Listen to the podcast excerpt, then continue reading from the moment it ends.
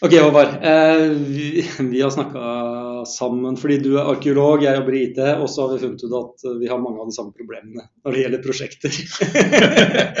det, det, som slo meg, da, det er at du jobber jo med utgravinger.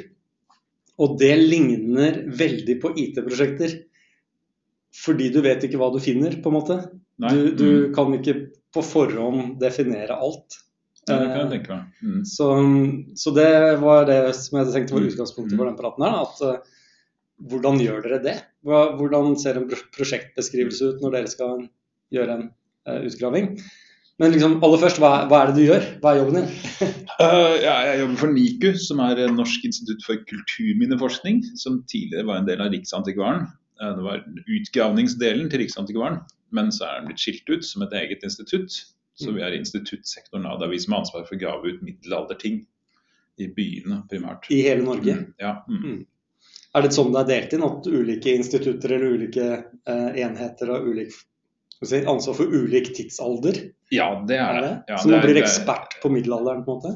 Ja, norsk, eh, norsk, kulturminnevern er jo litt sånn eh, det er en lang prat i seg selv. Men uh, vi er jo nødt til å forholde oss til en del, sånn, en del merkelige regler, da, som uh, ofte er ganske gamle. og Blant annet så er det sånn at uh, alt som er eldre enn 1537, det er altså, norsk, altså reformasjonen i Norge, det er, det er da regnet som middelalder og automatisk fredet. Mm. Mm. Så vi skal egentlig bare grave av ting som, som eksisterte før 1537. Ja. For det som er etter 1537 er ikke fredet. da. Dette er en lov fra 1905, så dette er altså den mest blodrøde nasjonalismen du kan tenke deg som ligger til grunn for dette. Man tenker på liksom dansketida. da. Her, altså, da, da, I 1537 forsvant den siste norske katolske erkebiskopen, og da er på en måte da, Norges selvstendighet endelig slutt, var synet da. Ja, Så det du skal grave fram, er Norges ærerike fortid? Det er Norges ærerike fortid. og, eh, men går det, er det noen grenser bakover? I tid? Enda lenger tilbake i tid? Nei, altså, men generelt så er det jo da sånn at Kulturhistorisk museum har ansvaret for, uh, for tidlige tider. Ja. Uh, og uh, så er det sånn at vi har ikke ansvaret for, for skipsvrak i det hele tatt, for skipsfunn. Det er da enten maritimt museum, hvis, for de er, de er fredet hvis de, er, hvis de er yngre enn reformasjonen også. Ok, Så skip er annerledes? Ja, skip er annerledes. Mm, og samiske kulturminner er annerledes. og Det er mye ting som er annerledes. Men uh, men ja, så hvis skipet er yngre enn reformasjonen, så er det, kultur, så er det Maritimt museum som skal grave det. Og hvis det er eldre enn reformasjonen, så er det Kulturhistorisk museum som skal grave det. Ah, så dette er okay. vanskelige greier. Og vi graver liksom da ut i Oslo. Mm. Og gamle Oslo Vi bor jo i Kristiania nå, da. Det er jo ikke, det er bare nok en nasjonalistisk skam, dette her. sånn at vi bor i Bor i Oslo? Ja, men greit nok. Men, uh, men, gamle Oslo ble da forlatt, uh, ble tvangsfraflytta i 1624.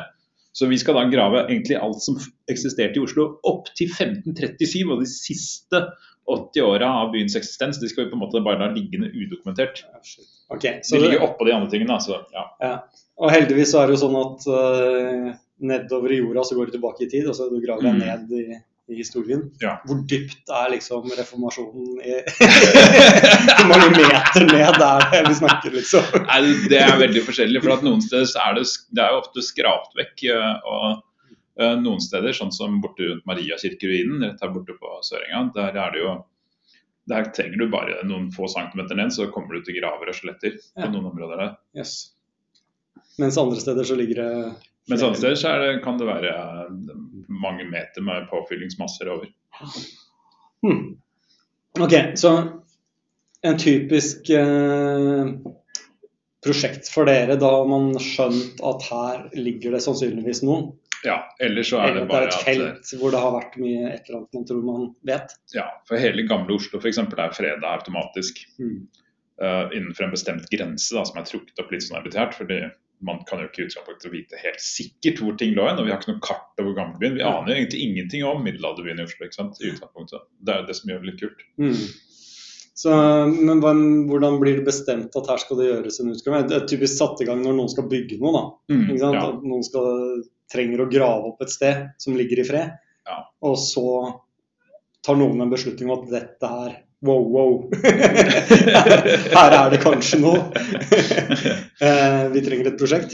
Ja, dette er en stor forskjell på IT og arkeologi. da, for at Arkeologi er bare en, en svipost for utbygger, sånn sett. fordi det er, en, er, det er jo på en måte å se på noe slags sånn der, Vi er jo et slags sånn saneringsselskap som fjerner forurensninger i grunnen før, før anleggsarbeidet kan ta til.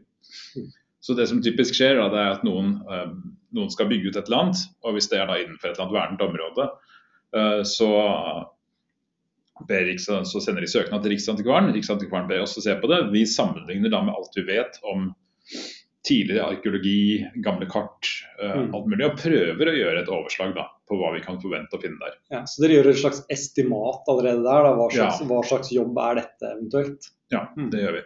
Og det blir jo veldig mye fingeren i lufta, selvfølgelig. Mm. Men man kan ta utgangspunkt i at man, eh, hvis man har mye arkeologi rundt, så kan du gjøre en viss beregning på det. og Da vet du, da kan du sette f.eks. gravehastigheter. Da. Hvor mye kan én person grave per dag i, av den, den typen arkeologi? Mm. Så denne type jord i denne type landskap. Altså det, dette tror vi er bebyggelsen her. Her kan det ligge sånne type ting. Ja, mm. Da kan man grave med omtrent denne farta her.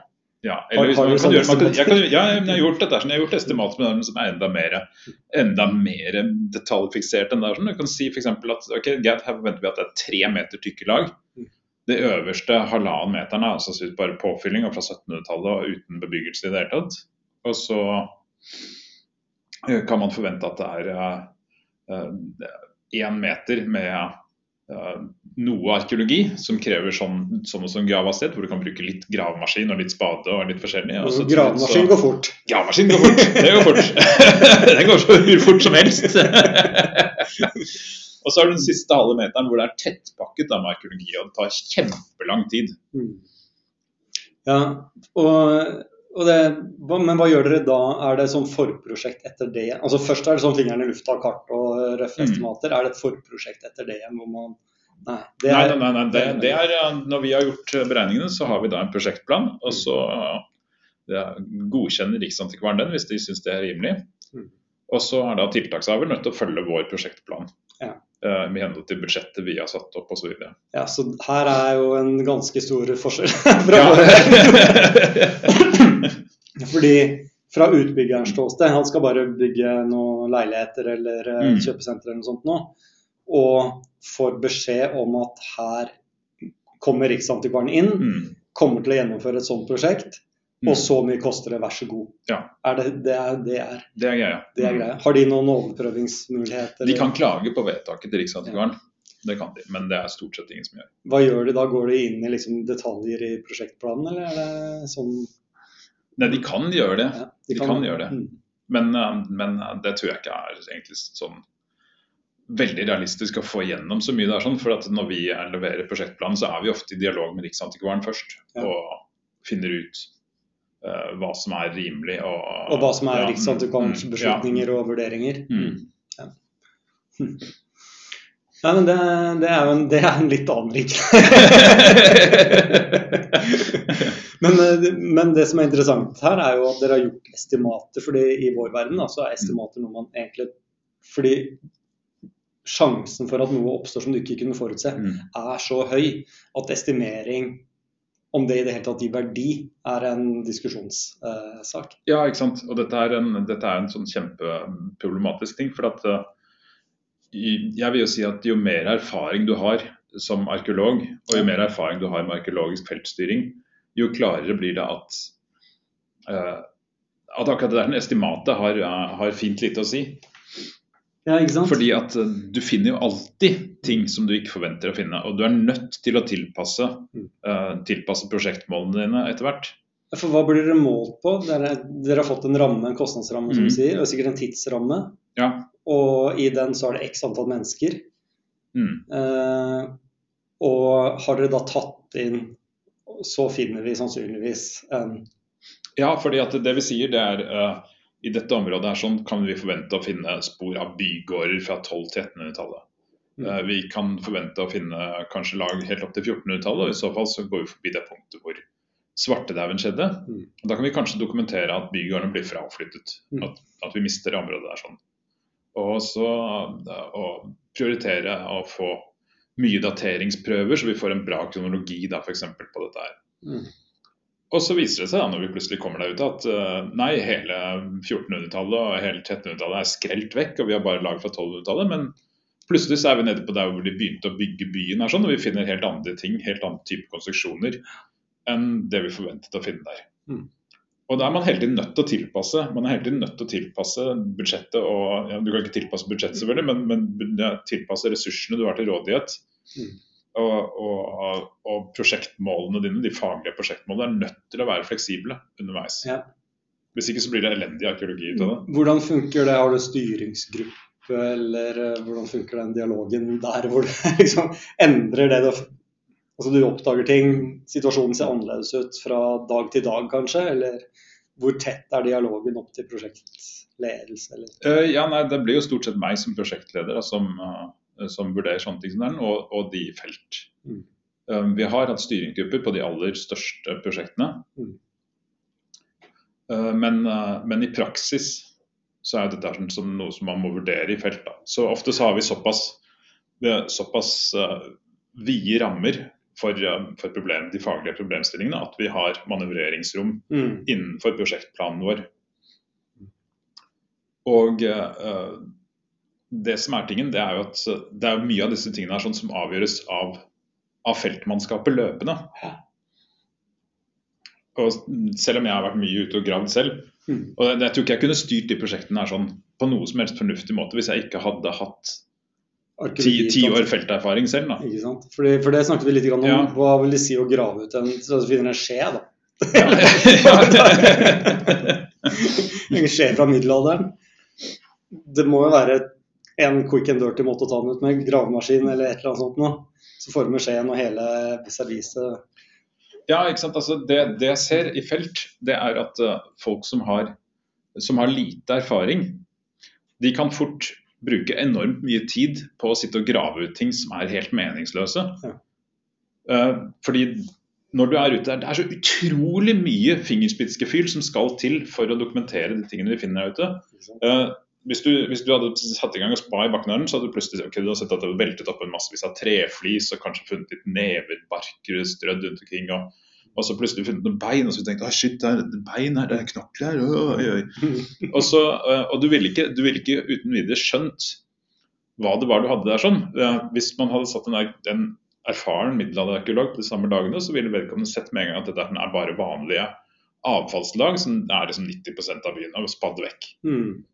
Så det er bare søppelbøtta Det ja, det ville gått rett ut. Fopp. Mm. Mens en som er fullstendig uerfaren med dette, sånn, ville kanskje sittet i lang tid med graveski og putlet og putlet og putlet Mm. og tatt fram ting og Mm. Målt inn noen greier. og Mm. Plutselig så hadde det vært litt for fargeforskjellig og sånt. Og, eh, mens hvis du hadde vært erfaren, så kunne du igjen da kanskje plutselig sett at ok, her er det en forskjell i lagene på bakken. Det må være en slags nedgravning Mm.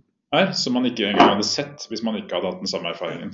Så da sitter du og ser på den eh, konkrete lille tingen du har funnet tilbake, når du ser, tolker det inn i den rammen eh, Ja. som er om altså, hele feltet, hvilken tid er vi i, hva ligger ved siden av her. Det betyr at dette er noe sånt, og dermed trenger jeg ikke bruke så mye tid på det. Ja, ikke sant? Og du vet, du vet hva du vil forvente. Ja. I det øyeblikket du har funnet én stolpe fra et hus, så regner du med at det kommer flere Mm. i samme retningen. For at her har du en Du ser ikke bare en, en trestabbe som står i bakken, Mm. som du ville gjort hvis du var uerfaren, men du ser en del av et husfundament Ikke sant? og vet hva du vil forvente. Og Der tenker jeg dere har ganske bra dialog mens dere står der og graver, og dere prater sammen. og Det det er kort Ja, ja, å rekke opp Mm. hånda og begynne å diskutere og finne ut av ting. Nei, nei, nei, man må prate fortløpende Mm. og, og holde god kommunikasjon. Men det, her, det ligner ja. veldig på IT igjen. Da? For det man må gjøre, er jo liksom Det er så mange kjappe beslutninger at du må tas der. Mm. Og du må de riktige folka der til å ta de beslutningene fort. Ja. Og da slipper du alle de der rundene opp og ned, og det hadde uansett A, det hadde tatt for lang tid. Og det er ikke sikkert du hadde hatt riktig bedømning, fordi de Nei. sitter ikke Mm. der eh, og graver, hvor du ser faktisk hva som er Ja, problemet. Mm. Eh, så det, der høres det ut som man har funnet Men jeg bare tenker på en, en, en ting til da, som slår meg her, er jo liksom hva gjør du da hvis du finner noe helt ukjent, uventa? Eh, som du ser at her bør vi kanskje bruke mye mer tid enn det vi trengte, eller det vi har skissert opp.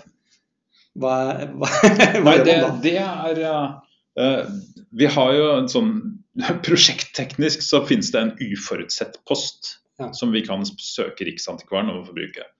Men uh, det er uh, ekstremt sjelden tilfelle hvor det er mulig å bruke den. Mm.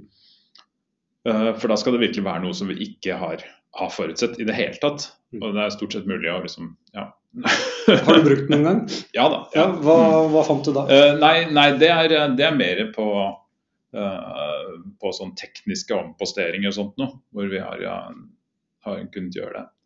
Uh, ikke så mye at vi plutselig dukker opp noe arkeologisk som vi ikke forutser i det hele tatt, men, eh, men at det kan være andre utfordringer som gjør det. Ja, at det, ligger, at det er vanskelig å grave her enn vi trodde, eller materialet Ja, ja, det er- ja. Mm. Og eh,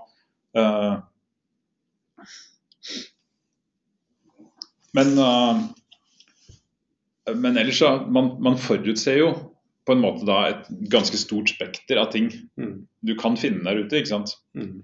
Så, så det skal veldig mye til før du finner noe som du virkelig ikke, ikke forventet. Men, eh, men hvis man finner noe man ikke kjenner igjen, Ja. Ikke så, hva er. nei, så tar det jo mye lengre tid. Men igjen så hjelper jo absolutt all erfaring eh, på å gjøre det. Jeg var ute akkurat nå i felt på en, eh, på en befaring i den nye utgravningen som er i Middelalderparken akkurat nå. Ja. Eh, Der har de funnet mye, mye, mye mer kule ting, egentlig, enn vi kanskje forestilte oss der.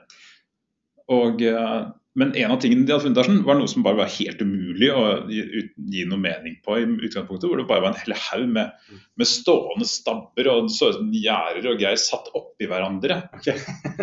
Men, eh, men det eneste jeg kan tenke ut av det der, er at dette måtte være en brønn med mange mange generasjoner av brønner satt i samme hullet. Ja. Med forskjellige treforsterkninger og forskjellige teknologier dyttet ned, og så halverer du hele greia igjen.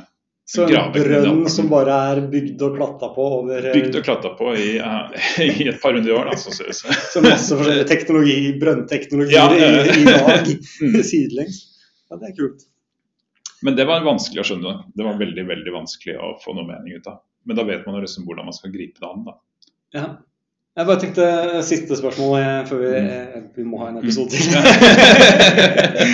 Men det er liksom, hva gjør du på slutten? Altså hvis Du ser, du har jo satt av en viss tid, ikke sant? og så ser, er det sånn at mot slutten, nå burde vi vært ferdige om et par uker, Ja. så plutselig kommer gravemaskinen fram, og det er ikke så nøye med ikke sikkert du tør å svare på det, men jeg spør Eh, likevel. jo, da, sånn- jo da, sånn har det vært eh, mange ganger. Men, eh, men det begynner jo, det, etter hvert så begynner det å bli stadig mindre og mindre overraskende da, at man får jævlig dårlig tid på slutten, for det er jo alltid sånn. Mm.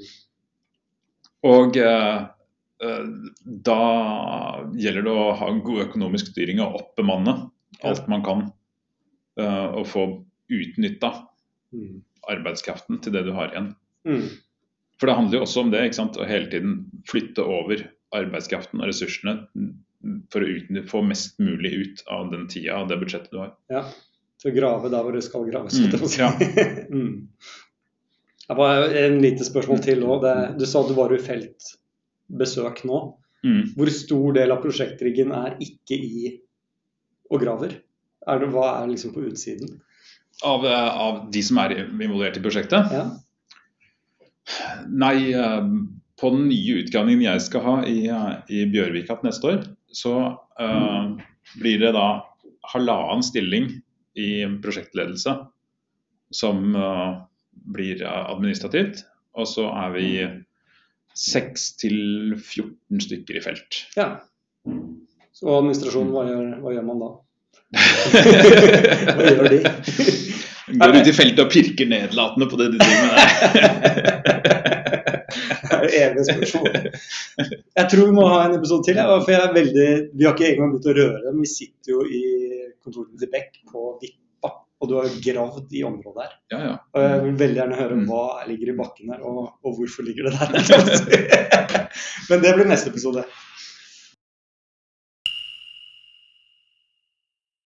Drypp er en lavterskelpodkast fra Beck, hvor vi diskuterer diverse temaer som interesserer oss. Og hvis du har et tema som du har lyst til at vi skal snakke om, eller du vil være med på en innspilling, ta kontakt på drypp.beck.no.